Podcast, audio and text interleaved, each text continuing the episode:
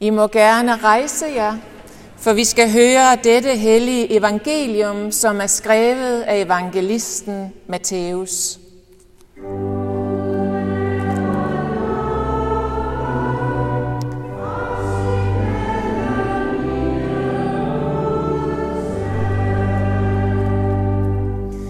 Og se, der kom en hen til Jesus og spurgte, Mester, hvad godt skal jeg gøre for at få evigt liv? Han svarede ham, Hvorfor spørger du mig om det gode? En er den gode, men vil du gå ind til livet, så hold budene. Han spurgte, hvilke? Jesus svarede, du må ikke begå drab, du må ikke bryde et ægteskab, du må ikke stjæle, du må ikke vidne falsk, ære din far og din mor, og du skal elske din næste som dig selv. Den unge mand sagde, det har jeg holdt alt sammen. Hvad mangler jeg så? Jesus sagde til ham, vil du være fuldkommen, så gå hen og sælg alt, hvad du ejer, og giv det til de fattige. Så skal du have en skat i himlen. Og kom så og følg mig. Da den unge mand hørte det svar, gik han bedrøvet bort, for han var meget velhavende. Og Jesus sagde til sine disciple, Sandelig siger jeg jer, det er vanskeligt for en rig at komme ind i himmeriget. Ja, jeg siger jer, det er lettere for en kamel at komme igennem et nåleøje, end for en rig at komme ind i Guds rige. Da disciplene hørte det, blev de forfærdede, meget forfærdede, og sagde, hvem kan så blive frelst? Jesus så på dem og svarede, for mennesker er det umuligt, men for Gud er alting muligt. Lad min munds ord være dig til behag. Lad mit hjertes tanker nå frem for dit ansigt. Herre, min klippe og min genløser. Amen. Og værsgo og sid. Så det vi møder her, det er ganske enkelt en hver mors drøm om en svigersøn, venner. Alle tre evangelierne har den her fortælling, så jeg samler lidt ind fra dem alle tre. Vi ved, at han er velhavende, rig. Vi ved, at han er ung. Og så ved vi, at han har en indflydelsesrig position, for han er medlem af jødernes råd. Det var det råd, som senere skulle anklage Jesus, og som Paulus også skulle stå frem for, for at gøre regnskab. Det var det lokale retslige råd, der havde autoriteten, altså den juridisk retslige autoritet, bestod af fornemme præster, skriftkloge og lægfolk, altså byens spidser. Det ved vi om ham. Vi ved også, at han var et ordentligt menneske. Han talte pænt om sine forældre, ærede dem, elskede sin næste. Og så ved vi også, at han ikke har brudt ægteskabspakten, så han har nok været gift. Vi ved, vi ved også om ham, at han er til den frimodige side, sådan lidt på kanten af at være lidt fræk. Fordi da han spørger, hvad han skal gøre, og Jesus siger, hold de ti bud, så siger han, hvilke?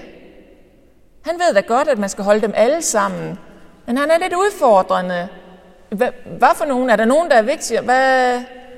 Det er sådan forretningsfolk, de gør. De skubber altid med grænserne og ser, om de ikke lige kan komme afsted med nogle ting. Tænker alternativt. Han var god til at lave penge. Og han var også charmerende. For er der noget mere charmerende end et ungt menneske, der siger, dengang jeg var ung? For da han får at vide, at han skal holde buden, så siger han, dem har jeg holdt helt fra min ungdom af. Det er jo ikke til at stå for. Han har garanteret også set godt ud, været en flot fyr. Det er bare noget, jeg siger. Fordi når vi har med sådan en person at gøre, med den status i samfundet, så enten ser han godt ud, eller også siger alle de andre, at de gerne vil ligne ham. Flot kan jo være mange ting. Hvis man er populær, så er man flot. Men det bedste af det hele, det er hans ydmyghed. Fordi selvom han har alle de her ting, han har alt, så ved han godt, at han mangler noget. Han er bevidst om sine mangler. Et ydmyget menneske. Hvad mangler jeg, spørger han. Vi kan lide ham. Vi kan virkelig lide ham. Men Jesus åbner, læser ham som en åben bog og fortæller ham, at ja, du mangler noget, det er sandt. Du stiller det rigtige spørgsmål, men det du mangler, det er ikke det, du tror, du mangler. Og her opstår ubehaget, det smertelige, en afsløring af den her spids i byen.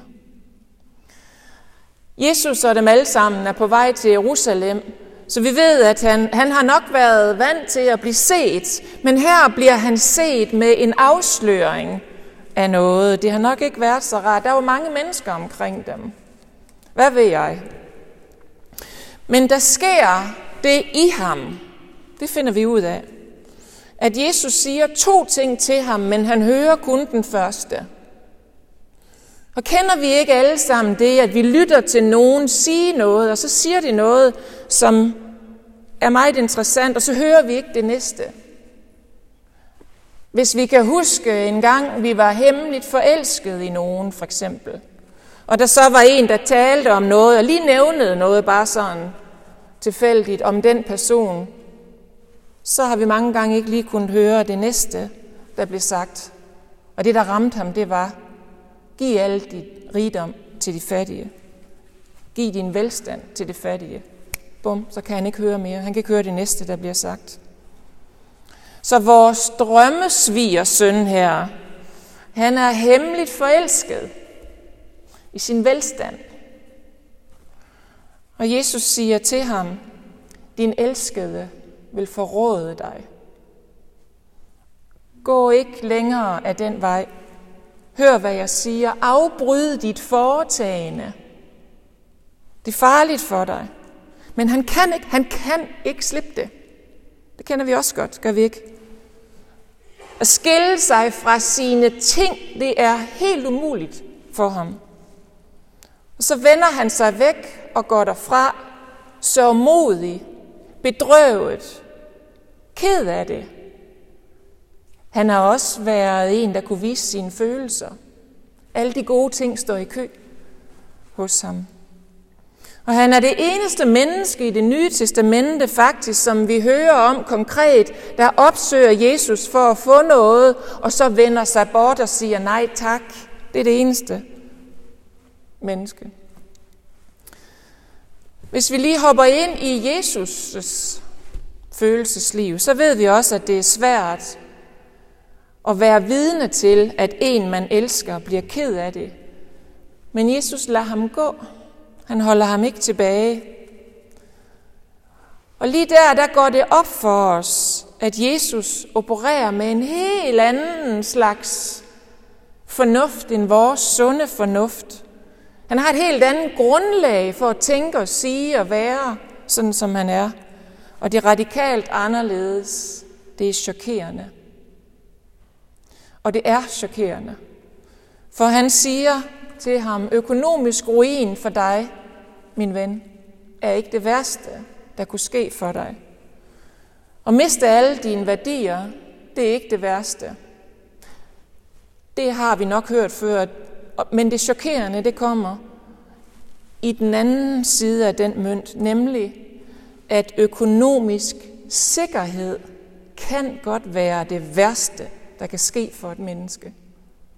Økonomisk sikkerhed kan være værre end økonomisk ruin og fattigdom. Det er jo helt uhørt. Især for mange af os, som har økonomisk sikkerhed. Det kan være farligt, det siger han til ham. Og den fare ser han, at manden her står i. Han siger ikke, det er forkert at have penge, men han siger, at han er i en farlig situation, fordi han elsker sine penge. Lad være med det, siger han. Og det er det chokerende. Og lige i det, chokerende, der åbner der sig en afgrund imellem de to mennesker, den unge mand og Jesus. Og pludselig kan vi se, hvem de begge to er i et helt andet lys. Og hvis vi forestiller os, hvordan det er at være til en fest, vi ved, hvordan fester de starter. Man sidder fint ved bordet, og så senere kommer der musik, og lyset bliver dæmpet, og der, man kan ikke sådan helt følge med i, hvad der foregår.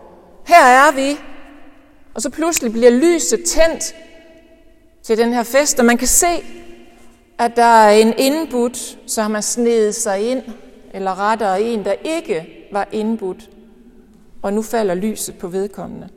Vi ser de her to mennesker pludselig i et klart lys. De er gennemlyst som med røntgen. Men hvad ser vi? Den unge mand først. Vi ser, at han har to misforståelser, han lever på i sit forhold til Gud, i sit religiøse trosliv. Og det har ikke noget med penge at gøre. Den ene misforståelse, det er, at han tror, at det evige liv og Guds rige, det er noget, man kan få som noget ekstra.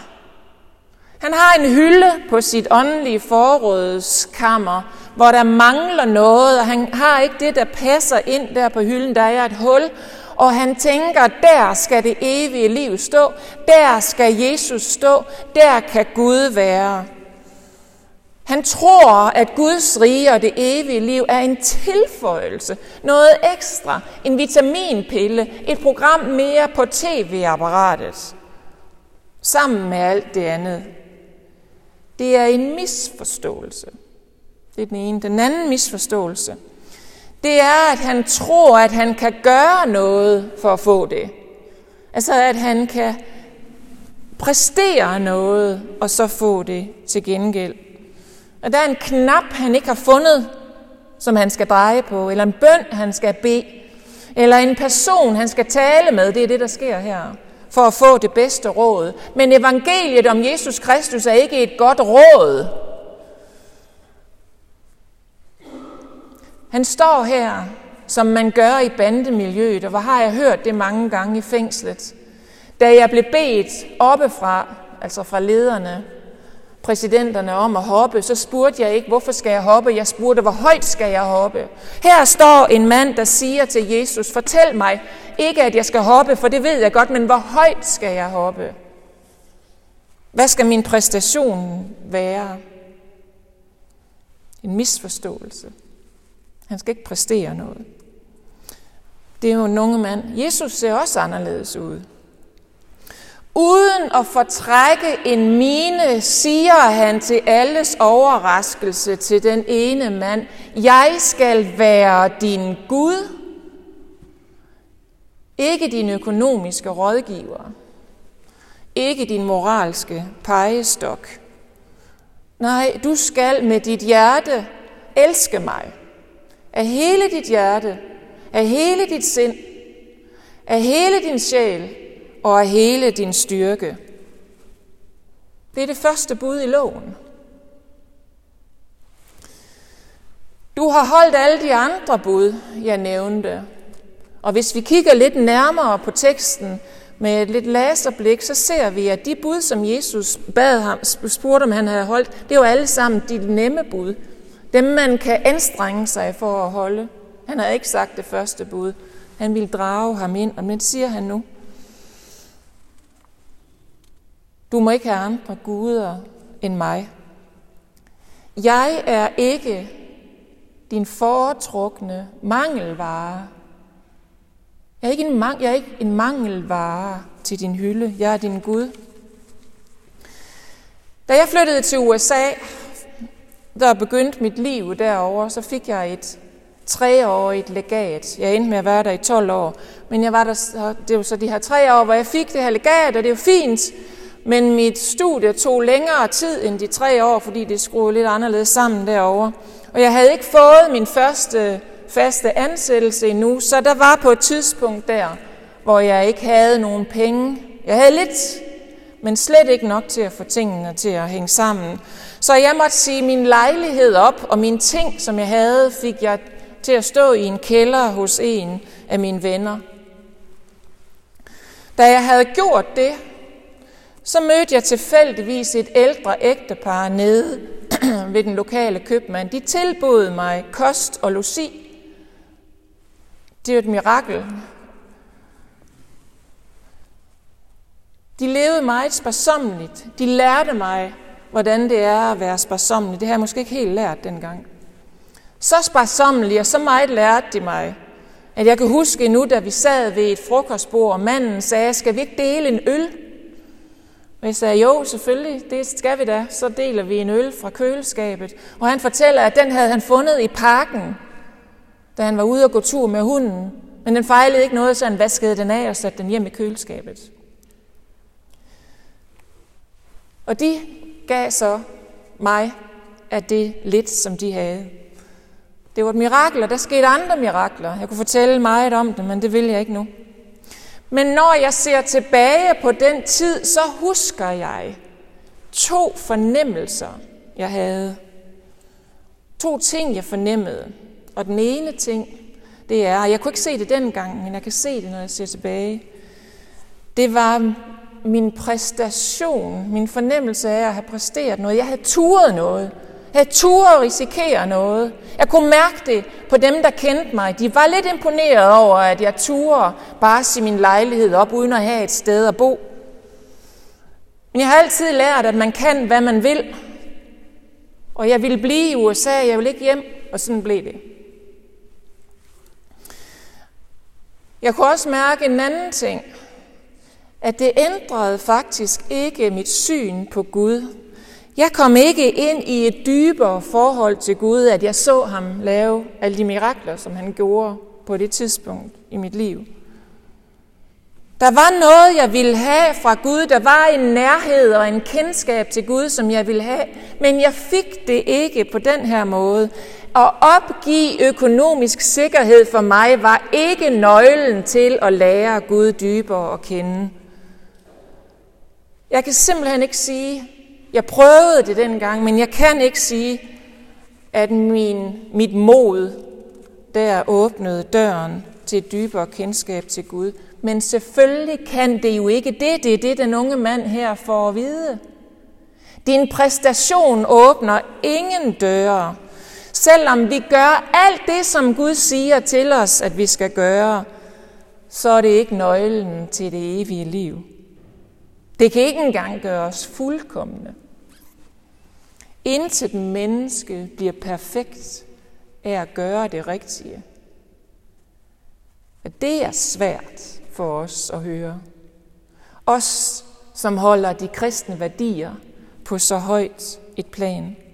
At vi efterleder dem, efterlever dem, det gør os ikke til gode mennesker. Fordi vi har alle syndet og mistet herligheden fra Gud.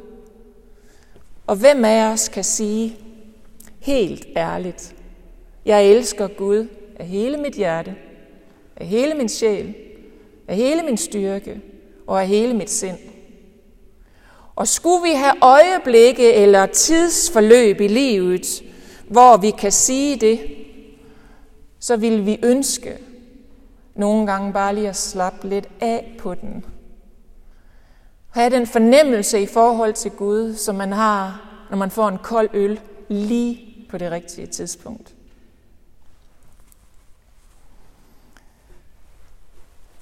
Eller hvad det nu er, der giver os nydelse. Fordi det handler ikke om penge.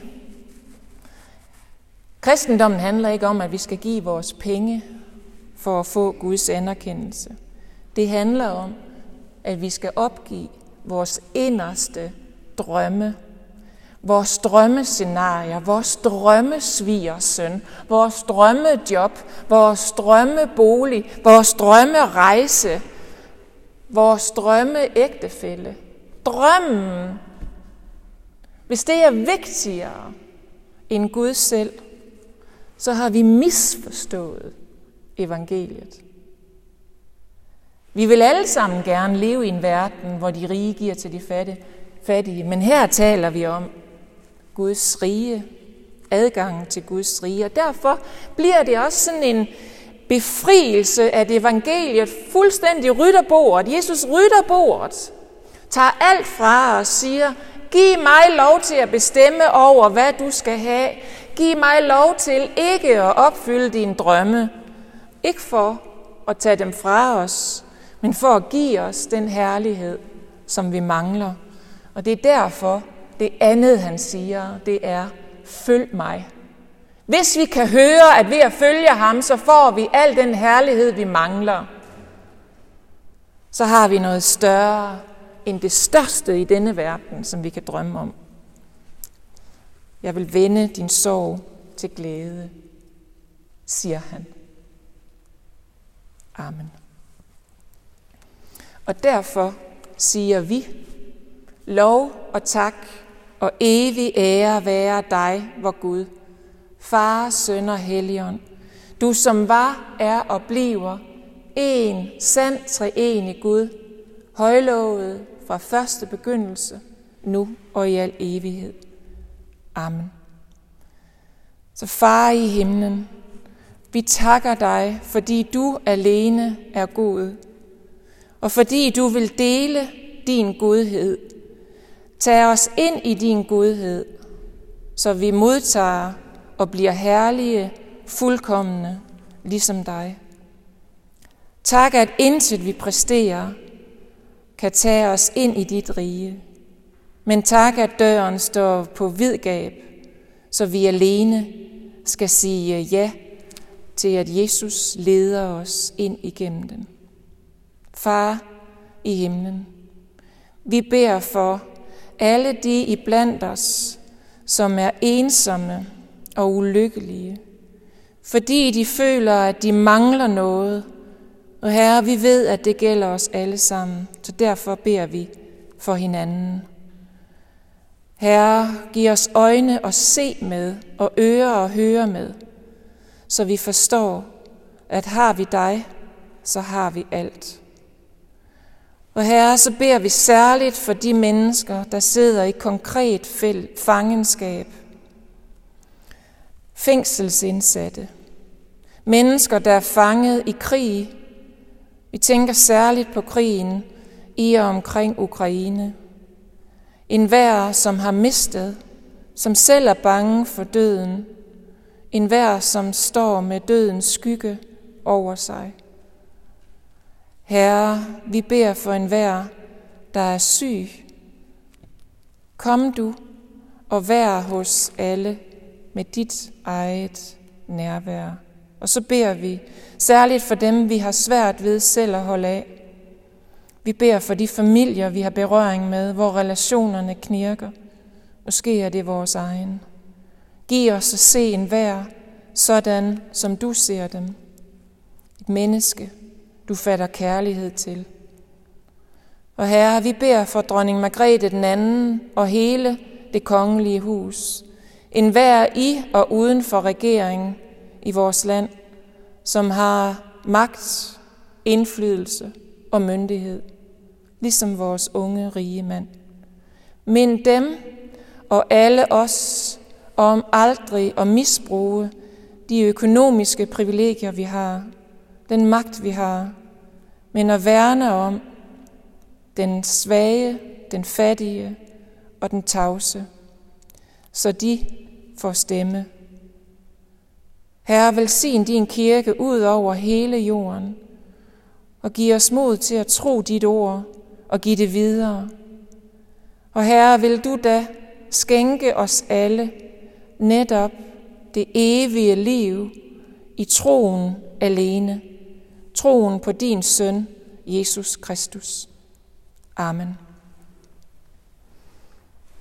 Så I må gerne rejse jer, for nu skal vi tilønske hinanden med apostlen, hvor Herre Jesu Kristi nåde, Guds kærlighed og Helligåndens fællesskab være med os alle. Amen. Og værsgo at sidde.